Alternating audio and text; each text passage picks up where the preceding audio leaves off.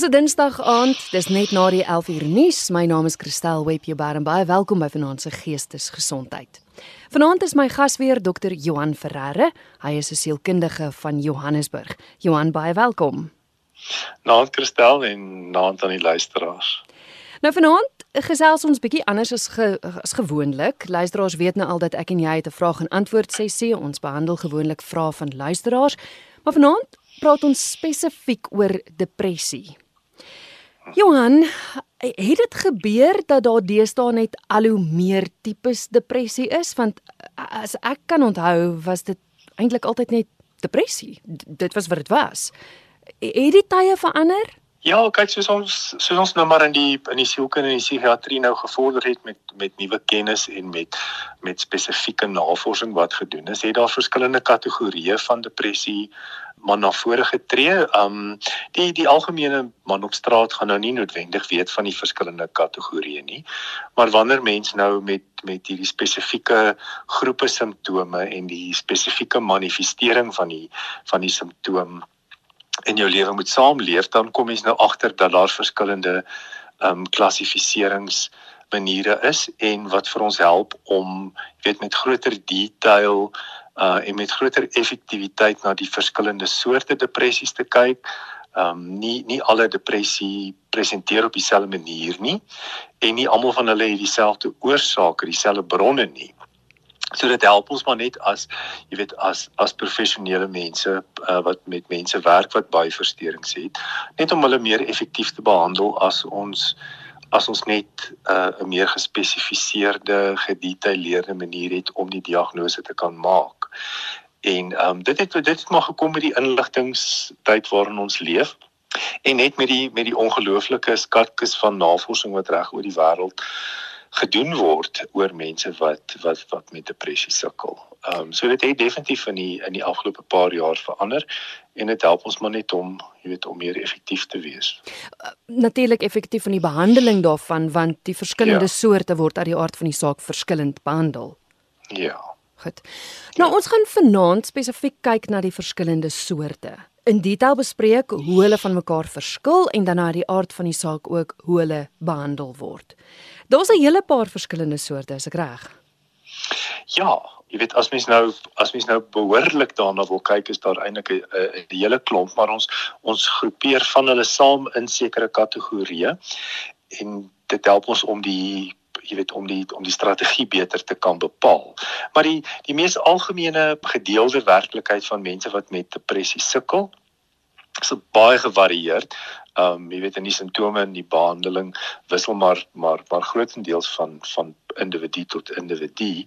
Maar die maar die deurlopende tema wat ons sien by mense wat met depressie sukkel, is dit ehm um, is mense wat wat meeste van die tyd uh 'n diep gevoel van ongelukkigheid het, van hartseer het. Goed wat gewoonlik vir hulle lekker was, is nie meer vir hulle lekker nie.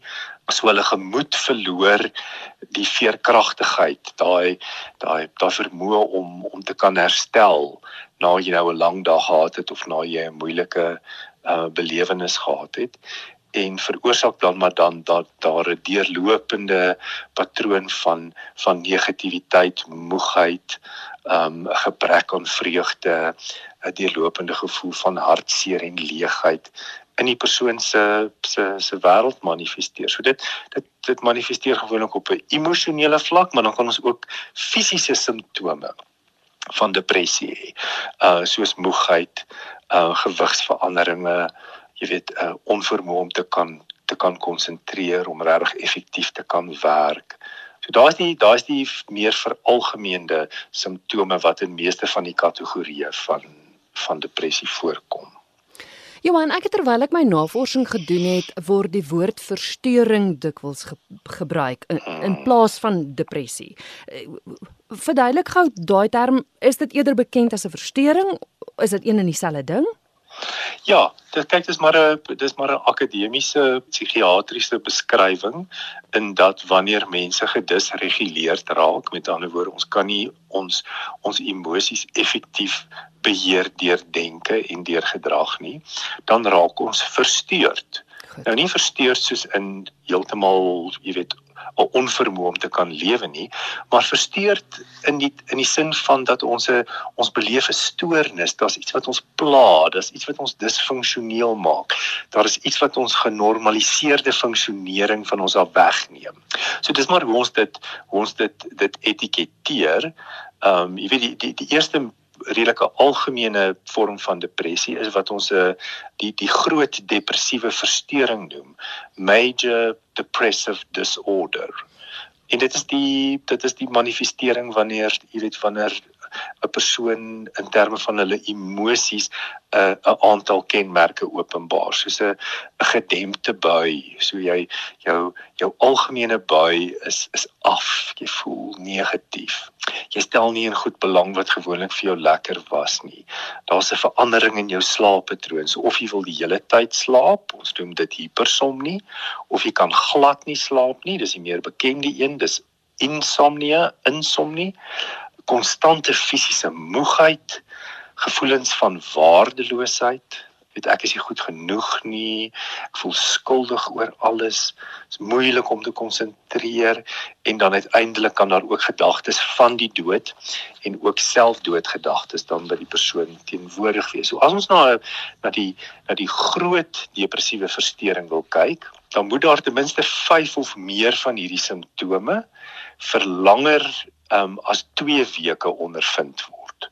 So as jy vir 2 weke lank konstant 5 of meer van hierdie simptome beleef en daar's nie vir jou verligting van die simptome nie, dan kan 'n diagnose van van 'n kliniese groot depressiewe verstoring by jou gemaak word. So so so, so jy kan hoor dat dit 'n redelike algemene ding is. Ja. Um, Ekskuus ek val jou nou in die rede so met ander woorde as jy is dit dieselfde dan as kliniese depressie as daai term ja. gebruik ja. word? Is dit dieselfde Ja so as mense na kliniese depressie verwys dan verwys hulle gewoonlik vir alles dit jy weet as dit 'n professionele persoon is dan verwys hulle na 'n major depressive disorder die groot depressiewe verstoring dis van ons dan verwys. En dis basies die die oupa van depressie. Dis dis waar depressie jare terug begin het dit is maar dit is maar wat tradisioneel jy weet um sonder sonder subkategorieë as depressie gediagnoseer was ja. OK, maar hoe verskil dit dan van kroniese depressie? Goed, so kroniese depressie, um die die term wat ons gewoonlik daarvoor gebruik het is distemia. Dit is 'n aanhoudende depressiewe verstoring. Dis nou ons nuwe woord wat ons nou daarvoor gebruik. Waar die die depressiewe simptome uh vir meer dae as as as wat jy nie die die simptome beleef nie het nie en dit hou vir ten minste 2 jaar al aan. So as jy na jou as jy na die na die die emosionele belewenis van jou lewe kyk in die afgelope 2 jaar en jy weet verseker dat jy definitief meer depressiewe dae gehad het as wat jy positiewe normale dae gehad het, dan kan ons dit diagnoseer as 'n as 'n aanhoudende kroniese depressiewe verstoring. Maar dit moet dit moet vir ten minste 2 jaar al aangehou het. So om kronies te wees. Ja, soos ek reg, dit word aanvanklik dalk miskien as 'n kliniese depressie gediagnoseer wat dan kan oorgaan ja. in kroniese depressie. Dis reg. Dit hang nou maar af, jy weet, in watter tydvak van die persoon se lewe die die sielkundige of die psigiater nou die persoon ontmoet. Hmm. As jy as jy in die beginfase van jou depressie is, dan dan kan ons dit nog nie diagnoseer as 'n as 'n kroniese depressie nie, maar as jy nou al vir vir baie jare lank kan rapporteer dat dit is hoe jy gevoel het, dan kan mens dadelik die die diagnose van 'n aanhoudende depressiewe verstoring maak. Ons het al geweldig baie oor bipolêre verstoring gepraat, die op en die af. Is ek reg as ek sê hoe dit verskil van die kliniese en kroniese is? Kliniese en kroniese is jy meeste van die tyd af, by bipolêr het jy jou optye ook. Ja, kyk die bipolêr, dit sê maar vir ons daar's twee pole. Mhm. -huh. So daar's 'n fase, 'n tydstip in die verstoring waar die persoon 'n uh, verhoogde maniese gedrag openbaar, emosies beleef, so dis bo normaal en dan is daar sekere tye waar die persoon eintlik vir alle praktiese doeleindes 'n depressiewe episode beleef. Maar omdat daar 'n maniese fase ook is, is dit nie dan gediagnoseer as 'n aanhoudende depressie nie, maar dit word gediagnoseer as 'n as 'n bipolêre verstoring omdat daar 'n 'n wisseling in by is. Nou binne die bipolêre verstoring is daar ook die twee kategorieë van bipolêr 1 en bipolêr 2. Bipolêr 1 is mense wat wat baie sterk maniese episodes beleef.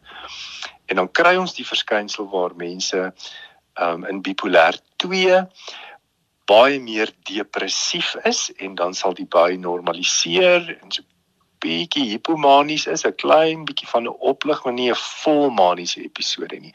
En dis wat ons dan bipolêr 2 noem.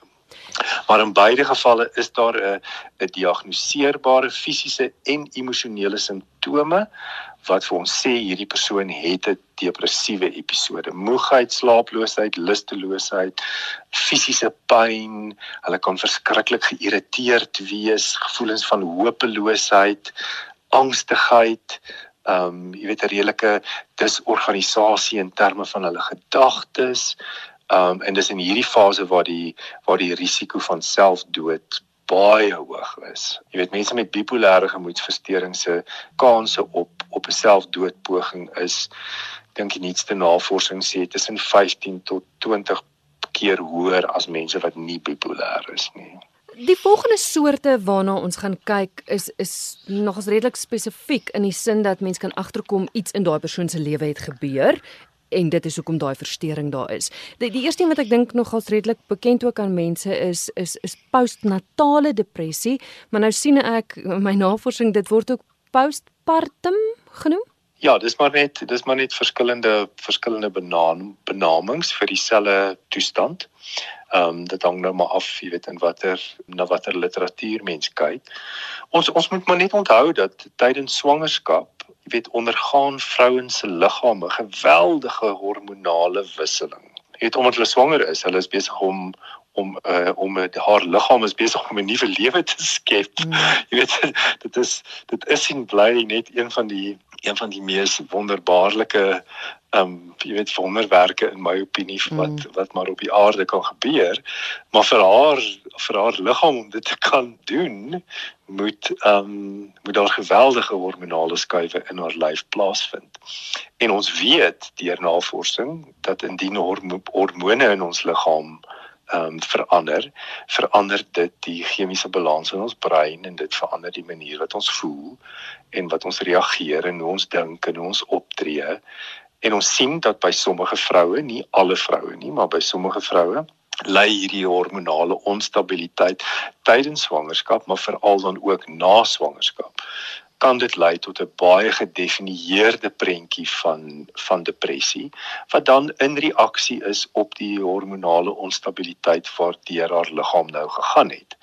Meeste vrouens beleef uh, beleef 'n tydperk na die geboorte van hulle kinders waar hulle gewoon net aan die huil gaan en net baie hartseer voel en oorweldig voel. Ons praat maar tradisioneel van baby blues.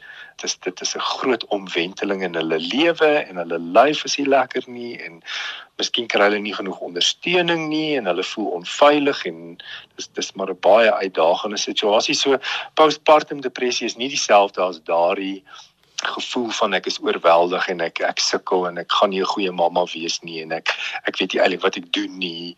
Um en my babatjie huil net die hele tyd. Postpartum depressie is 'n baie meer gedefinieerde, het baie spesifieke depressiewe simptome wat dan baie effektief met die regte medikasie jy weet en met 'n terapeutiese proses behandel kan word. En dit is gewoonlik nie iets wat uh, wat aanhou nie. So dis nie 'n dis nie 'n kroniese toestand nie is in reaksie op dit wat met die vrou se liggaam gebeur het en wanneer die hormone dan uiteindelik dan nou na die swangerskap normaliseer dan normaliseer die jy weet die die chemiese balans in haar brein gewoonlik en jy weet en dan herstel hulle mooi en en volledig van van so 'n episode. So dit mens moet baie versigtig wees om dit nie te onderskat nie. 'n Mens kan baie baie baie depressief raak en vrouens wat postpartum depressie al beleef het sal vir jou sê dat dit 'n baie baie baie donker plek is en hulle voel diep en ongelooflik skuldig want hier het hulle nou hierdie wonderlike jy weet, um, belewenis gehad van swangerskap en van geboorte en 'n nuwe lewe, maar hulle kan dit nie voel nie, hulle wil dit nie hê nie. Dit's vir hulle aaklig so op 'n emosionele vlak. Maak hulle eintlik los van die ervaring en sit dan nou nog met diep skuldgevoelens rondom dit ook. So dis 'n dis 'n baie komplekse jy weet toestand wat mens maar met groot omsigtigheid moet behandel. Ehm uh, maar wat mens baie effektief eintlik vir die persoon mee kan help. Johannes, verskriklik interessant wat jy nou sê dat baby blues, gebruik nou daai term, nie dieselfde is as postpartum nie. Hoe nee. onderskei mense dit dan? Want ek moet eerlik met jou wees, ek het nou in retrospek, toe ek swanger was, was ek al die jare onder die indruk ek het postpartum depressie gehad, maar ek dink ek het eerder net baby blues gehad. Hoe onders, hoe onderskei jy dan tussen die twee? Hoe weet jy wanneer dit die een of die ander is? Ja, kyk mens moet mens moet na die omvang van die simptome kyk. Hoeveel simptome het jy? Mm dan moet jy kyk na hoe lank hou die simptome aan en dan moet jy kyk na hoe diep, hoe ernstig is die simptome. Goed. So so om om baby blues te hê is jy weet vrouens wat dit rapporteer, is dit is aardig om dit te hê. Dit is dit is 'n baie negatiewe belewenis. Maar dis nie 'n dis nie 'n diep gewortelde ek sien nie kans hiervoor nie. Ek gaan nie ek wil nie eintlik my baba hê nie. Ek wil nie aanhou lewe nie. Jy weet my lewe is nou eintlik totaal en al verby. So dis nie vlietende gedagtes wat gebeur omdat jy aan slaapdeprivasie ly en omdat jy weet jou baba dalk koliek het en jy weet jy jy, jy kan nie meer die geskree hanteer nie daai is daai is genormaliseerde reaksie op hierdie ongelooflike uitdagende konteks van om 'n nuwe baba te hê. Mense wat dit nog nie beleef het nie, kan nie eintlik mooi weet wat dit is nie en ek dink is ook maar goed want anders sal meeste mense dit dalk nou nie doen nie. Ja. Ehm ja. um, so as jy nou in dit is, dan moet jy dit nou hanteer. Maar die die die vrouens wat wat werklik postpartum depressie beleef, hulle hulle simptome is is baie dieper en dit hou baie langer en die die graad daarvan is baie meer ernstig. Ehm um, so hulle gedagtes is baie meer donker en en ernstig. So dit gaan oor die omvang en die en die diepte van die gevoelens om uiteindelik by daai by die die geldige diagnose uit te kom. Soos jy sê, dit is iets waaroor 'n vrou dikwels skuldig kan voel. As ek nou ja. dink aan die lewensmaat aan grootouers wat wat dit sien dalk is dit goed waarvoor mens kan uitkyk wat wat jou kan laat wonder of iemand postpartum het. Ek dink net dit dit sou iemand gehelp kan word want dikwels Ja, dit dit is definitief iets wat jy wat mens kan sien. Mhm. Ehm mm um, en jou jou jou ginekoloog sal uit die aard van die saak op die uitkyk wees daarvoor as jy vir jou besoeke aan jou ginekoloog gaan na die babatjie nou gebore is om maar dit net om dit maar net met jou ginekoloog te praat. Hulle hulle sal presies weet jy weet waarvoor om uit te kyk. Jy weet is hierdie 'n genormaliseerde aanpassingsperiode of het dit nou 'n verlengde negatiewe depressie geword. Jy weet, so vir die persoon wat daarna kyk, is dit nie moeilik om te sien wat dit is nie. En om dan maar die waagmoed, jy weet, die moed van jou oortuiging te hê om dalk jou dogter of jou vriendin of jou weet 'n familielid net te sê weet jy joeg ek dink hierdie gaan nou 'n bietjie lank aan.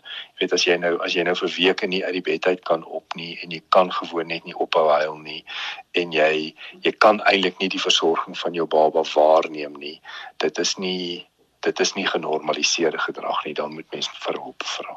Dan nog 'n tipe depressie is seisonale depressie. Ja dis 'n baie interessante een want tradisioneel jy weet vroeër vroeër jare was al die navorsing net in die noordelike halfrond van die wêreld gedoen want dis nou maar waar die in die winter is daar verskriklik min natuurlike lig en dit veroorsaak dat uh dat mense dan dan depressief word omdat hulle neem nie genoeg natuurlike lig in deur hulle oë nie. En daar was daar was verlang gedink dat die mense in die suidelike halfrond nou nie noodwendig daaraan ly nie want hier by ons is dit nou mos nou nie ooit jy weet vir maande lank donker nie. So so in die noordelike halfrond behandel hulle dit baie effektief. Hulle behandel dit met wat ons noem 'n ligkas.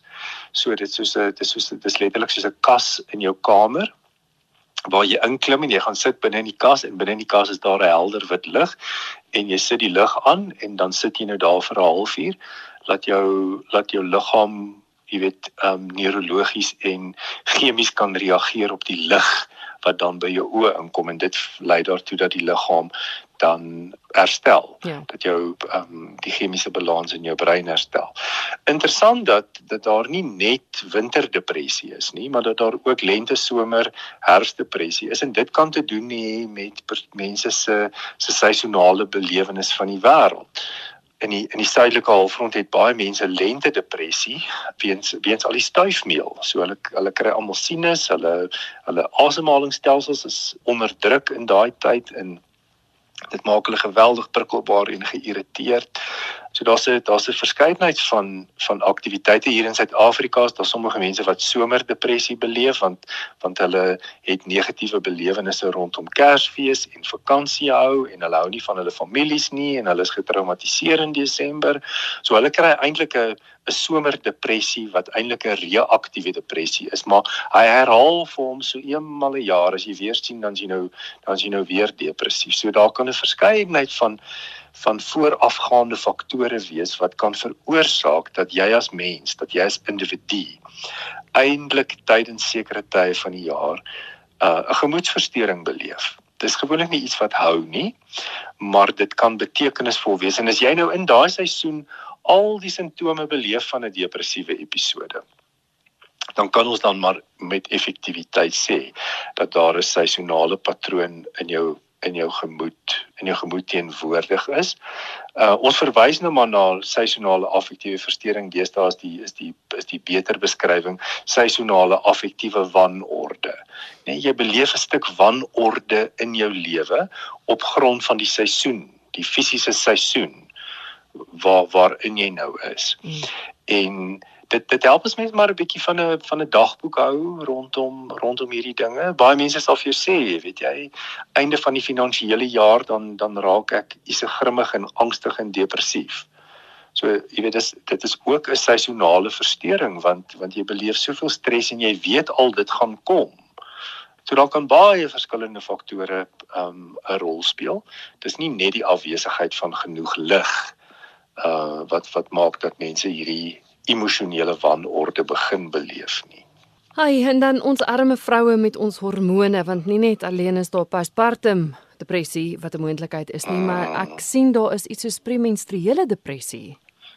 Ja, ja, daar is kyk ek is man is baie versigtig om maar jy weet jy weet regheid en en duidelik oor hierdie goed te vra want ons as mans verstaan daai deel van wel ons verstaan ten minste die belewenis daarvan maar baie baie oppervlakkig. Dit is dit is 'n absolute realiteit dat vir sommige vrouens in terme van hulle van hulle menstruele siklus daar sekere tye is waar hulle ongelooflike prikkelbaarheid, moegheid, angstigheid, jy weet fisiese ongemak beleef, uh, 'n uh, verhoogde eetlus jy weet ondervind dat hulle dat hulle net hierdie hierdie ongelooflike drang het na sekere soorte kos. Hulle lyf is seer, hulle hulle borste is teer. Dit is 'n dit is net 'n 'n 'n ongemaklike, aaklige belewenis, jy weet in terme van die fisiologie wat in hulle lyf aangaan. Hulle verstaan dit nie. Hulle weet nie hoekom hulle so voel nie. So as mens dit net eers geïdentifiseer kan kry en dan weer eens moet mens nou na die omvang van die simptome kyk nê so so 'n ligte prikkelbaarheid ehm um, jy weet en en ek is nou nie op my beste tydens hierdie tyd van my siklus nie. Dit is nie dit is nie genoeg simptome om jy weet om 'n uh, 'n premenstruele uh, sindroom by jou te identifiseer nie. Maar as jy nou 'n uh, 'n hele klomp van hierdie simptome beleef so dit dit dit sluit maar goed soos uiterse moegheid in. So in in daardie tyd van die maand is jy is jy betekenisvol meer moeg as ander tye van die maand en daar's nie 'n duidelike rede daarvoor jy het dan nie 'n maraton gehardloop nie. Baie vrouens voel geweldig hartseer, nê? Hulle hulle voel half hulpeloos en hopeloos en hulle kan verskriklik selfkrities raak ek is nie goed genoeg nie. Kyk hoe vet is ek nou weer. Kyk hoe lelik lyk my vel. Kyk hoe staan my hare. En dit het nie regtig met die met die objektiewe realiteit van die situasie te doen nie. Dit het met hulle subjektiewe belewenis daarvan te doen. En dan is daar is daar by sommige vrouens in hierdie tyd 'n um, gevoel dat hulle geweldige hoë vlakke van angs en stres beleef. Weereens nie noodwendig omdat daar objektief iets in hulle wêreld aangaan nie. So dit is nie einde van die maand nie en die kinders skryf nie eksamen nie. Ehm um, maar ek beleef nou hierdie verhoogde vlakke van angs en stres. Ons sien ook baie keer dat daar dat daar groot skommelinge in bui kan wees. Ehm um, so jy weet van van heel gelukkig tot sommer baie kwaai en huilerig en kwaad, jy weet prikkelbaarheid. Alles irriteer vir hulle. Hulle sukkel gewoonlik om te konsentreer in daai tyd. En dan natuurlik nou die die die grootste ewel wat ek nou dink is is daai ongelooflike behoefte om nou aan die eet te raak. Ehm um, veral as jy nou nie lekker voel oor jou lyf reeds nie. Mhm. So dis 'n dis 'n hele dis 'n hele groep simptome wat wat teenwoordig moet wees in 'n baie spesifieke tyd van jou menstruele siklus en ons moet dit waarneem oor tyd. So jy weet ek probeer maar om vir vrouens, jy weet, en as hulle mans nou saamkom om te sê, okay, kom ons doen 'n eksperiment, kom ons kyk na die volgende 3 maande en as ons in die volgende 3 maande 'n sekere ehm um, tendens sien, dan kyk ons na die volgende 6 maande. Ehm um, en dan kan ons met redelike sekerheid sê, weet jy, hierdie hierdie groep simptome. Hierdie groep simptome kom op 'n spesifieke tyd verby. En dit lyk vir ons of dit met die met die menstruele siklus te doen het en dan kan mens eintlik baie effektief met 'n antidepressant en hormonale behandelings en dan natuurlik sekere veranderings in hoe jy leef redelik effektief met met met van hierdie ehm um, simptome dan ehm um, jy weet hulle effektief behandel en om dan te weet maar jy weet ons kan nie ons kan nie al die simptome van 'n van 'n menstruele siklus wegvat nie want dit is iets wat met jou liggaam gebeur. Ja. Ehm um, maar ons hoef nie ons hoef nie hierdie diep intense en omvangryke simptome te beleef waarin ons voel weet jy of ek gaan nou iemand gryp of ek gaan nou iets sleg aan myself doen. Ehm um, ons hoef nie dit by herhaling en dan voorspelbaar te beleef nie want dit is net die allervreeslikste afwagting waarmee hierdie vrouens dan leef van jy weet maar hierdie gaan net weer gebeur en dit gaan net weer gebeur en dit gaan net erger word en dit jy weet dit dit maak die hele belewenis daarvan baie negatief. So weer eens dis iets wat mens effektief kan behandel as jy weet dat dit reg gediagnoseer is. Dan nog 'n tipe wat ek gesien het is atipiese depressie. Is ek reg? Ja. Dis 'n interessante ene want dis die ehm um, dis die tipe van depressie wat mens nie noodwendig jy weet met met 'n stel simptome van gewone depressie sal ehm um, sal jy weet as jy dit vergelyk dan sien jy dat dit verskil. Ehm um, ons noem dit maar atipies omdat dit half buite die norm van van 'n van 'n tradisionele depressiewe ehm um, diagnose sal lê. En mens moet mens moet dan nou maar baie spesifiek en individualisties met die met die pasiënt werk om uiteindelik by die meer atipiese depressie diagnose uit te kom. Maar van die van die meer algemene simptome wat voorkom as ons nou 'n atipiese depressie het, weer eens dan moet 'n dan moet 'n onderliggende gevoel van hartseer en ongelukkigheid en 'n gebrek aan tevredenheid, 'n gebrek aan vreugde in my lewe hê. So dit gee vir ons altyd die aanduider.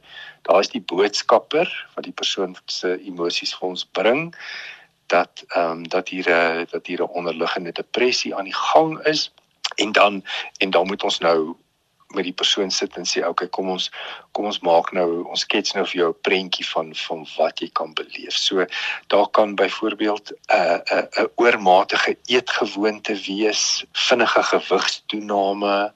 Mense kan of skielik glad nie slaap nie of hulle wil net die hele tyd slaap onverklaarbare moegheid of 'n gevoel van swakheid ek het net nie krag vir niks nie 'n uh, ander ding wat ons dikwels sien is dat is dat mense geweldig emosioneel sensitief raak. So as jy nou 'n bietjie hard met my praat of jy jy sê nou vir my iets sarkasties of jy maak nou 'n grappie oor iets, Ehm uh, en onthou nou hierdie gebeur nou met mans en vrouens. So ons ons praat nou nie meer net oor vrouens nie. Mans hmm. kan net so sensitief wees vir 'n atipiese depressie. So jy weet daai daai verhoogde vlak van van prikkelbaarheid en sensitiwiteit. So skielik kan ek nou nie meer 'n grappie maak oor jou baard of oor jou oor jou skoene en dan is daar nou 'n oorreaksie op iets wat gewoonlik nie daar sou wees nie.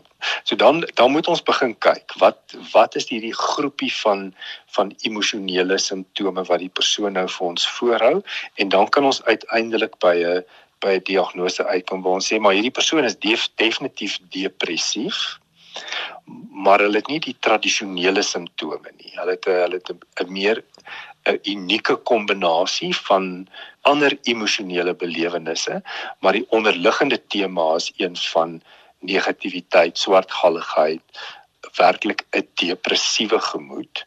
En mense reageer mos nou maar uit die aard van die saak hoog individueel op op hierdie individuele simptome. So dit vat gewoonlik 'n bietjie langer om om by so 'n tipe van diagnose uit te kom maar die behandeling is maar is maar redelik dieselfde as dit aangedui is 'n uh, jy weet die regte antidepressant, die regte kombinasie van medikasie wat deur jou dokter of jou psigiater voorgeskryf moet word uh en dan wat waargeneem moet word oor tyd om te sien watter van die simptome word verlig. Is daar ander simptome wat bykom? Is daar sekere neeweffekte wat jy op van die medikasie het? En om dan in 'n terapeutiese proses met 'n sielkundige te wees om te sê maar hoe verander ek uiteindelik van my gedrag? As ek 'n swak oggendroetine het omdat ek net doodmoeg is jy weet bly ek in die bed en dan is ek eintlik laat vir my eerste afspraak en die kinders is nie betyds by die skool nie en ontbyt is 'n nagmerrie dan moet ons dalk kyk na 'n gedragselement van maar dalk moet ek dan vroeër gaan slaap of ek moet my medikasie dalk vroeër drink of ek moet met my psigiater praat dat ek dalk my medikasie in die oggend moet drink. Ehm um, so mense reageer so hoogs individueel op op al die behandelingsstrategieë dat mens maar eintlik net eers in die proses moet bly. En jy, jy moet verstaan daar's nie 'n daar's nie 'n vinnige en 'n gewaarborgde en 'n en 'n jy weet eenvoudige oplossing vir hierdie tipe van meer komplekse emosionele diagnoses nie. Dit vat maar tyd. Mens moet geduldig wees. Jy moet 'n verhouding met jou, jy weet met jou met jou medisy opbou. Ehm uh, mens moet genoeg terugvoer gee sodat hulle uiteindelik weet of die behandelingsstrategie werk. En dan moet jy jy jy, jy moet 'n verhouding met 'n sielkundige opbou. Mm. Want dit is dit is iets wat by herhaling in mense se lewens kan voorkom. So ons sien dikwels mense mense sal depressiewe episodes in verskillende tye van hulle lewe beleef. So as jy in jou 20's 'n depressiewe episode gehad het en jy het weer in jou 40's 'n depressiewe episode, dan beteken dit nie jy het nie die depressie in jou 20's reg hanteer nie. Jy jy het dit waarskynlik reg hanteer, maar daar is nou 'n ander stel uitdagings in jou lewe wat maak dat wat wat maak dat die depressiewe gemoed weer geaktiveer is. En dan moet ons natuurlik nou onthou, jy weet die die die die die misbruik van sekere middels. Jy weet 'n ongesonde lewenstyl, mm. gebrek aan oefening, ongereelde slaapure. Dit alles indiseer vir ons depressie. Jy weet mense wat alkohol misbruik. Alkohol is 'n natuurlike depressant. So alkohol maak ons uiteindelik meer depressief. Jy weet jy jy, jy dink dalk dat as jy nou 'n um jy weet 'n paar drankies gedrink het dan voel jy soveel beter. Maar jy moet weet dat die langtermyneffek daarvan gaan wees dat dit gaan daartoe lei dat jou gemoed uiteindelik meer en meer depressief sal word. So ons praat ook van jy weet van van middelgeïndiseerde depressie waar mense jy weet uh pynmedikasie, um alkohol, ander dwelmmiddels gebruik en waar hulle die chemiese balans van hulle brein uiteindelik versteur word en waar hulle dan die depressie geïndiseer het, hulle die depressie veroorsaak. En dis gewoonlik 'n baie moeilike insig om om by uit te kom want mense wil dit nie noodwendig so sien nie. Hulle jy weet hulle hulle verstaan nie dat depressie die diagnose kan wees, maar dit die gevoel van depressie deel van 'n simptoom van 'n groter prentjie kan wees. Mm. So sommige mense is depressief omdat hulle aan depressie ly. Ander mense beleef depressiewe simptome omdat daar iets anders met hulle fout is ook. So mense wat wat met kanker gediagnoseer is. Uit die aard van die saak gaan daai mense op een of ander stadium depressief word. Want want om met so 'n lewensbedreigende siekte saam te leef, gaan uiteindelik 'n effek op jou gemoed hê. Ehm um, so nou ly jy nie noodwendig aan depressie nie, maar jy het depressief geword omdat jy 'n ander siekte het. So ons moet dit net in gedagte hou dat dat dit dat dit 'n baie komplekse beeld kan wees, maar dit beteken nie dat jy nie die gevoelens beleef nie. En ek wil tog dit net baie duidelik maak, stel is dat dat depressie is is werklik in die tyd waarin ons nou leef uiters behandelbaar. Ehm um, dit is nie iets wat ons wat ons net hoef te beleef nie dit is kompleks en dit vat soms tyd om by die regte behandelingsstrategie uit te kom. Maar dit is nie iets wat ons net hoef te los en jy weet net voort te leef met hierdie voortsleepende gevoel van donkerte wat oor my hang. Jy weet ou Winston Churchill het ons gepraat van the the the black dog that comes and lies upon mm, me. Ehm yeah. um, hy het onder depressie gelei. Natuurlik het hy weet mense sal baie keer vir jou sê dit dit voel soos 'n donker wolk wat oor my kom hang. Maar dan het niks sleg gebeur nie. Weet ons ek ek verstaan ons leef in geweldige uitdagende tye op die oomblik. Jy weet in kollektief is daar soveel stres in ons land. Die verkiesing wat nou voor lê, maak nou nie saak waar jy nou op die op die skaal staan van van wat in ons land aangaan nie. Almal beleef daai ongelooflike negatiewe afwagting jy weet alles wat in die nuus is wat so sleg is die hele die hele covid belewenis wat mense se vryheid van hulle al weggeneem het wat hierdie voortgesette dinamiese trauma vir ons almal veroorsaak het. Ons hoop dit gaan beter word en dan raak dit net al hoe slegter en dan raak dit weer beter en dan raak dit weer al hoe slegter. Natuurlik gaan dit ons almal se gemoed depressief maak maar dit beteken nie ons ly almal aan depressie nie So daar's 'n daar kan 'n kollektiewe gevoel van 'n swaarmoedigheid wees. En ek sien dit so duidelik in my praktyk op die oomblik is daar's min vrolikheid. Hmm. Ehm um, want ons dra almal hierdie weet ons het nou almal deelgeneem aan hierdie sielkundige eksperiment. Jy weet van afsondering en jy weet deel van 'n pandemie wees. Niemand van ons het toestemming gegee dat iemand dit met ons mag doen nie, maar toe moet ons dit nou net doen. Natuurlik het dit 'n effek op ons almal. En dit dit moet uiteindelik ons ons vrolikheid en ons positiwiteit en ons jy weet ons positiewe afwagting gedemp het. Dit beteken nie ons hoef daar te bly nie. Ek kan by my venster uitkyk en sien die lug in Johannesburg is vandag potblou. en die bome is grasgroen en dit het laasweek pragtige reën en alles is skoon en die grasies groei en die rose blom. Maar ek moet kies om dit raak te sien. Al voel ek gedemp, al voel ek oorweldig. Al wonder ek of ons 'n vierde vlaag van infeksies gaan hê in Desember. Al praat ek met die dokters wat almal depressief is en die verpleegkundiges wat eintlik net die bosse in wil hardloop as dit nou weer 'n vlaag gaan wees. Hierdie arme mense is almal so getraumatiseer. Natuurlik weet ons dit, maar ek kan vandag sê, weet jy, ek moet vandag iets positiefs soek eers net net om vir my 'n uh, realiteitstoetsing te gee van joeg die wêreld is op 'n slegte plek maar die son het vanoggend opgekom en die lug is vandag blou as die lug nou blou is daar waar jy is. Ehm um, as dit nou reën daar waar jy is dan sê ons joeg dit reën ons is dankbaar om iets positief jy weet in jou brein in te laat kom sodat daar 'n 'n stukkie positiewe belewenis ervaar kan word. Ehm um, so mens kan ook al is jy diep depressief kies om jou fokus te skuif na dit wat goed is. Want eers in ons lewe moet ons iets kan vind wat goed is. Hmm. Al is dit net dat die son vanoggend opgekom het.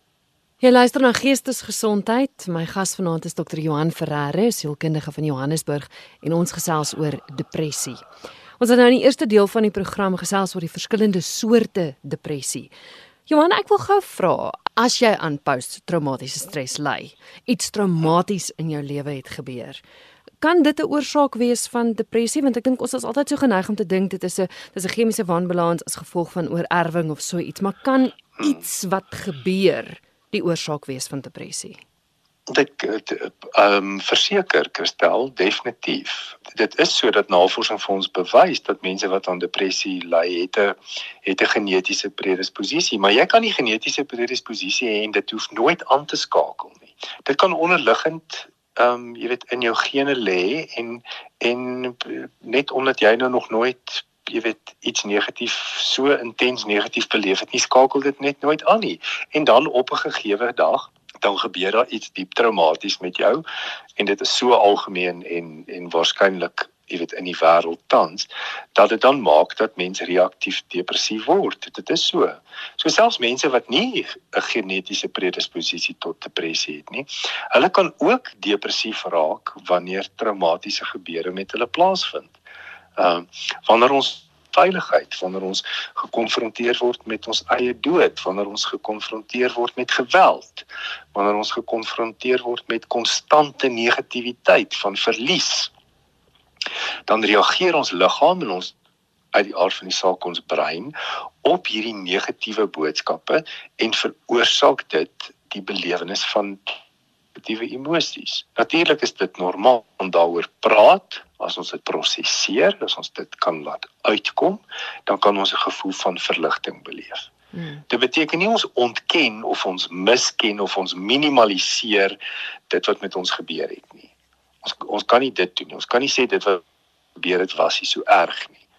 Ons moet erken dit wat met ons gebeur het, wat ook al die aard van die trauma my baie sleg. Dit is vir my sleg. Ek moet deur 'n proses van skok gaan.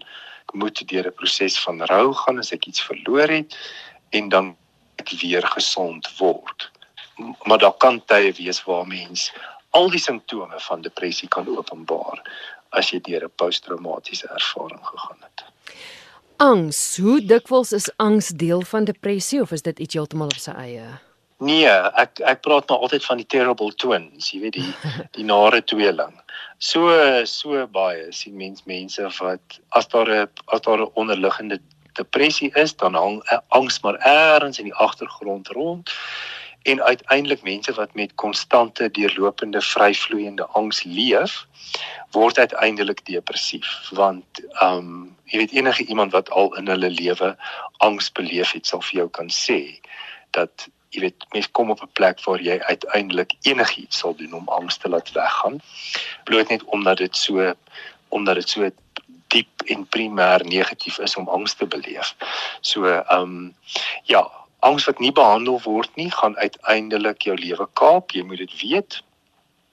Ons sien ook dat mense wat wat met met angs en depressie sukkel, 'n baie groter geneigtheid het tot middelmisbruik. Want uiteindelik wil jy jy wil net hê hierdie gevoel moet weggaan. So as jy dan nou, jy weet, 'n dwelmmiddel of alkohol of oor die toonbank medikasie gebruik dan vir vir 'n wyle dan vat dit die emosie weg. Dit verdoof ons en dis baie keer waar waar afhanklikheid dan ontwikkel is dat is dat mense nie effektief hulle angs en hulle depressie behandel nie en en dit dan maar eintlik net op hulle eie doen deur nie die regte medikasie te gebruik nie en en dan so ontwikkel mense 'n afhanklikheidsprobleem. Johan, jy het in 'n groot mate soos ons oor die verskillende soorte gepraat het, het jy het jy ge, gepraat van behandeling hier en daar uit die aard van die saak het party meer spesifieke fokuspunte en goeters. Wat ek vat uit vanaand se program uit is die feit dat jy die regte diagnose moet maak sodat dit reg behandel kan word. Maar jy het ook genoem dat om 'n diagnose te maak is regtig 'n pad wat jy met iemand moet stap. Ja. Maar hoe gemaak want nie almal is in die bevoordeelde posisie om so 'n lang pad met 'n sielkundige te kan stap nie. Ja. Ek wil jou noem, ek het 'n vriendin wat nou die dag vir my sê sy het uh, die behoefte om met iemand te praat. Sy moet 'n baie groot besluit in haar lewe neem. Sy het toe navorsing gedoen en gekyk of sy by 'n sielkundige kan uitkom en die goedkoopste een was R1000 'n sessie. Ja. Een sessie is nie genoeg nie. Wat beteken nou in haar nee. kop dink sy, okay, goed nou maar hoeveel duisende rande gaan ek moet uithaal? En ek dink ja. dit is hoe baie mense dink. Wat beteken Sy gaan dit nou los om na 'n sielkundige toe te gaan. Ja. Hoe hoe help ons die mense daar buite want dit veroorsaak dat 'n klomp mense op die ou ende nie gehelp word nie. Ja.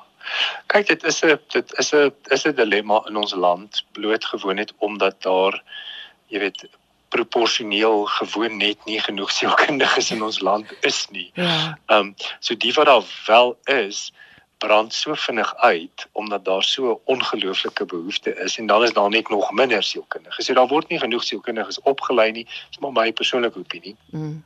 Ehm um, so so as jy nie toegang het tot 'n sielkundige wat in privaat praktyk is nie, dan dan moet mens kreatief wees. Dan moet jy op die internet gaan kyk of daar of daar 'n kursus is wat jy kan doen, is daar ehm um, daar's soveel aanlyn produkte op die oomblik beskikbaar waar jy waar jy eintlik gratis voor kan registreer waar jy waar jy die kennis dan self moet opdoen. Ehm um, mens kan ook oorweeg om om om natuurlik om 'n beraader te sien, jy weet of om 'n life coach te sien, dit hang af van die aard van van jou probleem en om en om maar jy weet te, te kyk binne die netwerk van mense wat jy ken of daar of daar iemand is wat dalk 'n 'n mentorsrol in jou lewe sal speel. Iemand by die werk of 'n ouer familielid. Jy weet een van een van my ooms was was gratis en en deurlopend beskikbaar in my lewe as 'n as 'n mentor in my lewe. Ek het net die moeite gedoen om by hom te gaan kuier. Mm. Um en en bereid genoeg gewees om jy weet om deursigtig met hom te wees oor die goed waarmee ek in my lewe sukkel. En jy weet hy is nie sielkundige nie maar hy het genoeg belang gestel en hy het moeite gedoen en hy het geluister. So mens mens moet probeer om weier te kyk na waar in my lewe lê daar potensiële bronne van wysheid. Objektiwiteit iemand wat dalk wat dalk vir my kan help met 'n besluit so so mens moet maar mens moet maar mens moet maar wyd kyk en en jou jou jy weet jou behoeftes bekend maak om te sê jy weet maar ek sou so graag met iemand wou praat want miskien ken my vriendin iemand wat bereid is om met jou 'n koffie te gaan drink en met jou te gesels oor jou nuwe besigheidsbesluit. So mens mens moenie mens moenie jouself blind staar daarteen dat mens net met 'n sielkundige gaan praat. Ja, as jy emosionele probleme in jou lewe het, asseblief kom by 'n professionele persoon uit. Hmm. Jy weet daar daar is sekere staatsinstansies wat ehm um, wat ek ek weet is baie beperk, maar daar maar daar is professionele mense wat ook beskikbaar is as daar as daar 'n emosionele spesifieke emosionele probleem is en as medikasie nodig is asseblief jy weet daar's daar is maniere wat mens daarby kan uitkom, jy weet as mens ehm um, jy weet finansiëel uitgedaag is. Ja, ek dink is daai geval van wanneer jy siek is, en jy het 'n verkoue om te besluit of jy jouself by die huis kan kan behandel en of jy ja. nodig het om dokter toe te gaan. Ek dink mens moet daai ja. onderskeid kan tref om te besef dat maar weet jy as as dit regtig ernstig is, gaan ek die moeite moet doen om by 'n dokter uit te kom, 'n sielkundige of 'n psigiatër of wie ook al, né? Ja. Mm. Nee, mens sal moet. Dit is jy weet dis 'n dis 'n gedagteproses. Jy weet ek is nou al baie lank in praktyk en en ek kan sien dat jy weet dat 'n 'n baie groter persentasie van mense kyk gewoond net na hulle finansies en hulle hulle allokeer net eenvoudig nou 'n deel van hulle inkomste vir hierdie proses. So hulle sal sê, maar ek gaan nie aan die einde van die jaar met vakansie gaan nie, maar ek gaan vir 3 maande is jou kinders gaan sien. So dit dit gaan oor prioritisering. Hoe belangrik is hierdie ding in my lewe? En en ek dink daar is definitief 'n skuif wat jy weet wat in die in die siege van ons van ons land gebeur veral nou deur hierdie moeilike tyd waar ons gegaan het waar mense net besef het maar as ek nou hulp gaan kry nie gaan ek sing. Ja, so dis nie dis nie altyd 'n langtermyn proses nie. Soms is 'n enkelvoudige gesprek um dit wat mense nodig het. Net om 'n stuk objektiviteit in hulle lewe in te kry en dan dan dan spring hulle weer op hulle spoortjie en dan dan is hulle weer oukei. Okay. So mens moet maar mens moet maar wyd en kreatief kyk na wie vir jou kan help met jou uitdaging. Ja. Johan, baie dankie dat jy een van die is wat ons wel help. Uh, sou luisteraars met jou in verbinding wou tree, kan hulle? Hulle kan gerus my e-pos stuur um, na johanf@mosaik.com. My gas in vanaand se geestesgesondheid, Dr. Johan Ferreira, sielkundige van Johannesburg. Tot 'n volgende keer. Mag dit met jou goed gaan.